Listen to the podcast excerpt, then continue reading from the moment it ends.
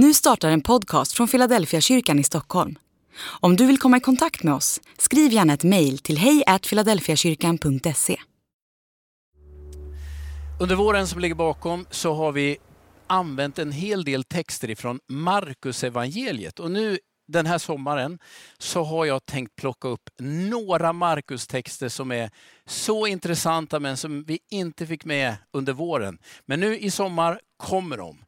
Och det jag skulle vilja ha som rubrik idag är Kan man prata med de döda? Det finns ju en berättelse i Markus, den finns i flera av evangelierna, som ändå väcker en del frågor. Låt mig ta med dig till Markus evangelium kapitel 9 och jag läser från vers 2 till vers 8. Sex dagar senare tog Jesus med sig Petrus, Jakob och Johannes och gick med dem upp på ett högt berg där de var ensamma. Där förvandlades han inför dem. Hans kläder blev skinande vita, så vita som ingen blekning i världen kan göra några kläder. Och de såg både Mose och Elia som stod och talade med Jesus. Då sa Petrus till Jesus, Rabbi, det är bra att vi är med. Låt oss göra tre hyddor, en för dig, en för Mose och en för Elia. Han visste inte vad han skulle säga, de var alldeles skräckslagna. Då kom ett moln och sänkte sig över dem och en röst hördes ur molnet. Detta är min älskade son, lyssna till honom. Och plötsligt, när de såg sig om, kunde de inte se någon annan än Jesus. När man läser den här, den här berättelsen så väcks åtminstone hos mig ett antal frågor. Hur kunde de veta att det var Mose och Elia? De har ju varit döda åtskilliga hundra år och ett är säkert, det kan inte ha funnits några bilder på dem. Ändå så vet de att ah, det är Mose och Elia. De två sedan länge döda profetgestalterna ur Israels folks historia dyker plötsligt upp inför ögonen på lärjungarna och så står de och pratar med Jesus. Hur vet de att det är Mose och Elia? Kan man prata med de döda? Det är ju det Jesus gör. Han står där och har en konversation med Mose och Elia. Och så säger Petrus, jag bygger några hyddor. vad, är det han, vad är det han vill bygga? Varför ska han bygga hyddor? Låt mig nu säga direkt, jag ska inte kommentera hyddorna, jag hade gärna gjort det. Det får komma någon annan gång. Jag håller kvar den här frågan, kan man prata med de döda? Ja, men jag har, jag har egentligen två svar på det. Det första är, nej, det kan inte vi. Och jo, det kan Jesus. Det är hela skillnaden på oss och Jesus. Kan jag prata med de döda? Svar nej. Kan Jesus prata med de döda? Svar ja. Det har att göra med skillnaden på vem Jesus är och vem jag är. Jag är en människa begränsad av tid och rum, kött och blod. Jag lever under en form av omständigheter. Det som är helt uppenbart i evangelierna och ännu tydligare i berättelsen efter uppståndelsen är ju att tid och rum är någonting som Jesus i en mening är begränsad av och i en annan mening står helt över. Läser man uppståndelseberättelserna så kan man nästan ana att Jesus är på två platser samtidigt.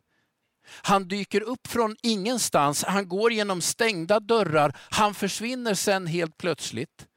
Det vill säga de här, de här begreppen, rumsliga tidsbegreppen som ju egentligen formar hela vår världsuppfattning, verkar Jesus i någon mening stå över eller utanför. För en tid i dem, begränsad av dem, men här på härlighetens berg, helt tydligt utanför dem.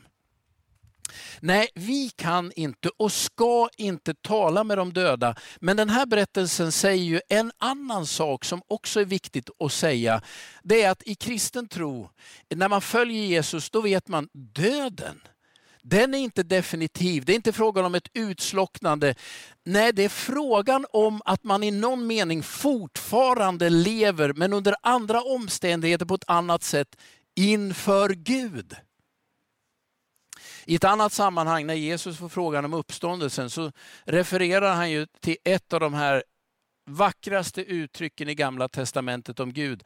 Där Gud säger, jag Abrahams, Isaks och Jakobs Gud. Det där, om du är van vid Bibeln känner du nog igen det. Alltså Gud kopplar sig själv och sin identitet till tre individer, inte till ett folk, inte till en nation. Tre individer, i sig otroligt vackert och trostärkande för mig. Men Gud säger, jag är Abrahams, Isaks och Jakobs Gud. Aldrig, jag var Abrahams, Isaks och Jakobs Gud. När Gud säger, jag är Abrahams, Isaks och Jakobs Gud. Jesus tar fram det och säger, Gud är inte en Gud för de döda, utan för de levande. Underförstått, Abraham, Isak och Jakob, som med gamla testamentets språkbruk, har gått till sina fäder. Enligt Jesus lever de hos Gud. Det vill säga, vi tror inte att döden är en definitiv slutpunkt, det är starten till något nytt. Ofta när vi talar om döden eller vid begravningsgudstjänster så händer det att jag citerar Romarbrevets 14 kapitel där Paulus säger, lever vi, då lever vi för Herren. Dör vi, nej då dör vi för Herren. Vare sig vi lever eller dör, tillhör vi alltså Herren. Den här berättelsen om Mose och Elia som samtalar med Jesus, de säger med all önskvärd tydlighet att döden inte är en definitiv slutpunkt utan starten på något nytt. Kan man då tala med de döda? Nej, vi kan inte, men Jesus kan. Nu på sociala medier så, så finns det ganska många inslag som talar om andlighet eller det vi på ett sätt kan tala om som new age med onda andar, med att tala med de döda, att få budskap från andra sidan. Det är ganska många år sedan nu, men jag hade en period då jag av olika skäl hade rätt mycket kontakt med människor som vi kallar spiritister. Ni vet de som tänker, vi kan få budskap från de döda, de döda kan tala till oss. De fanns i våra alfakurser och brukade gå lite i vår kyrka. Och eftersom de kom till kyrkan och de gärna ville att jag skulle följa med på en seans så sa jag absolut, jag kommer med var en väldigt intressant upplevelse. Jag vill inte rekommendera någon att gå på det, men jag var på en seans, två timmar, höll två medier på att förmedla budskap ifrån sedan länge döda släktingar eller, eller människor som har funnits i närheten. Och när jag var med där så inser jag att för en del som har lämnat en relation eller där relationen tog slut väldigt abrupt så finns det tröst.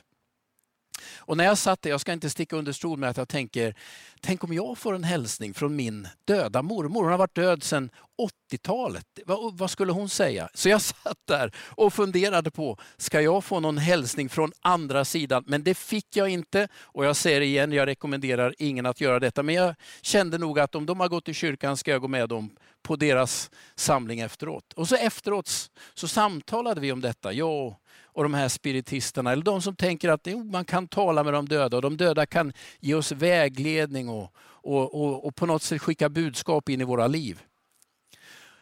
Och så sa jag att nej, jag tror inte det. Men jag tror något annat. Min mormor som har varit död sedan 80-talet, vad skulle hon kunna säga till mig? Redan när hon var gammal var hennes tanke lite begränsad. Vad är det för hälsning hon skulle kunna ge mig till vägledning här och nu? Och så sa jag det jag själv tror. Jag söker inte budskap från sedan dö länge döda släktingar, att de ska hjälpa mig. Jag tror nämligen att himmelens och jordens skapare talar in till mig här och nu, vägleder mig, har omsorg om mig, på något sätt vakar över mig. Jag kan inte se vad döda tidigare anhöriga skulle kunna erbjuda som skulle matcha det jag redan har i tron på Gud. Och sen hade vi ett intressant samtal om detta. Och jag tror att jag vann åtminstone några poäng den dagen genom att säga att jag är helt övertygad om att Gud tydligt talar in i våra liv. Han tröstar oss, han vägleder oss. Det är från honom vi söker eh, eh, budskap in emot framtiden. Inte från anhöriga som sedan länge har gått ur vår historia. Men Gud är fortfarande i den, kan leda och tala. Kan man tala med de döda? Mitt svar är ett otvetydigt nej, man kan inte, man ska inte. Kan man tala med Gud? Mitt otvetydiga svar är ja, man kan och man ska. Kan Gud tala till oss? Mitt otvetydiga svar är ja, Gud kan tala och vill tala in i ditt liv. Sök inte röster från de döda. Låt den levande guden tala in i ditt liv tillbaka nu till Mose och Elia och hela den här berättelsen. Hur ska man förstå det som händer? Det finns några bottnar i det här som jag bara vill dela med dig. Det står ju om Jesu kläder att de blev skinande vita, vitare än någon blekning i världen kan göra dem. Vad är, vad är innebörden i det där? Varför blir hans kläder vita? Det där refererar ju till någonting som fanns i framförallt den, den romerska kulturgemenskapen. När någon ville kandidera till ett ämbete, om det nu var så att man skulle rösta till senaten eller något, då skaffade man sig vad som kallades toga kandidatus. Då gick man till en valkare eller till någon som, en blekare som blekte kläderna så att de blev, man ville ha dem så vita som möjligt. Och genom att ha den på sig så, så skickar man en tydlig signal. Jag kandiderar till ett viktigt ämbete i staten. Vad är innebörden nu då? Jo, innebörden är ju att Jesus kandiderar om den yttersta makten. Han har toga kandidatus. Alla fattar, det här verkar vara någon sorts valprocedur på gång. Vem är Mose då? Jo, men Mose representerar ju lagen, den gammaltestamentliga lagen som alla judar hävdade var vägen till frälsning. Och sen har vi Elia som representerar profeterna. Så vi har lagen och profeterna och så har vi Jesus. Och Det är som om lärjungarna som är med där, Petrus och, och de andra, de är fyra stycken, de inför sina ögon ser att här är det tydligen uppställning för val. Nu är det lagen, löftena i gamla testamentet, så är det Jesus och sen är det profeterna som blickar in i framtiden. Och så inträffar ju det att en röst ifrån himmelen talar och fäller utslaget. Detta är min älskade son, lyssna till honom. Och när de sen tittar upp, när den rösten kommer faller de ner. När de sen tittar upp, då står det så tydligt, då såg de ingen annan än Jesus. Vad innebörden i den här berättelsen? Den är jättetydlig. Det handlar inte längre om att följa lagen. Det handlar inte heller längre om att i någon sorts profetisk anda blicka emot framtiden. Allt vad Gud har att säga, den som nu har fått Guds yttersta förtroende att leda hela vår historia, varje människas öde, det är ingen annan än Jesus från Nasaret. Det är det lärjungarna är med om. Ja, jag upprepar igen, den här berättelsen den väcker många frågor. Det finns mer att säga som jag inte tar upp nu. Det är uppenbart att Jesus kan tala med personer som sedan länge är döda. Och det har att göra med att döden inte är en definitiv gräns. Bibeln är full av sådana här små signaler. Men den sätter en tydlig gräns och säger, du ska inte tala med döda. Vi andra människor kan inte tala med döda. Men för Gud är de döda fortfarande levande. Men Gud själv kan tala till dig. Och du som tänker, jag behöver vägledning. Någon skulle behöva tala in i mitt liv. Någon behöver ge mig någon riktning. Jag är, jag är full av osäkerhet. Jag vill bara uppmana dig, uppmuntra dig. Du kan när du, var du än är, hur det än ser ut, vända ditt hjärta till Gud och säga Gud tala till mig. Och jag vill tala om för dig att det Gud kan tala om in i våra liv, det slår vad våra döda anhöriga möjligen skulle kunna säga med hästlängder. Låt Gud tala in i ditt liv. Det är den rösten du ska söka, det är hans vägledning du ska ha.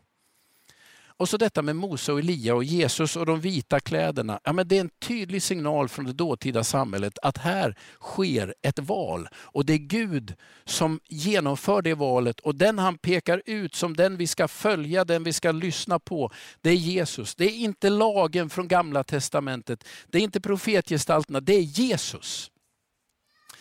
Så det jag egentligen skulle vilja förmedla till dig det är att den här berättelsen signalerar med all önskvärd tydlighet att Jesus är den du ska söka. Det är hans röst du ska höra. Det är inte Mose röst, det är inte profeternas röst, det är Jesu röst du ska följa. Igen, kan man tala med de döda? Svar nej.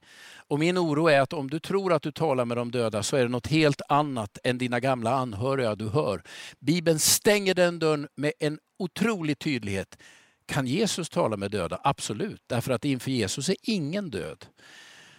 Den du ska lyssna till, dens röst du ska söka och dens röst du ska följa är Jesu röst. Det är det den här berättelsen vill säga. Gud välsigna dig.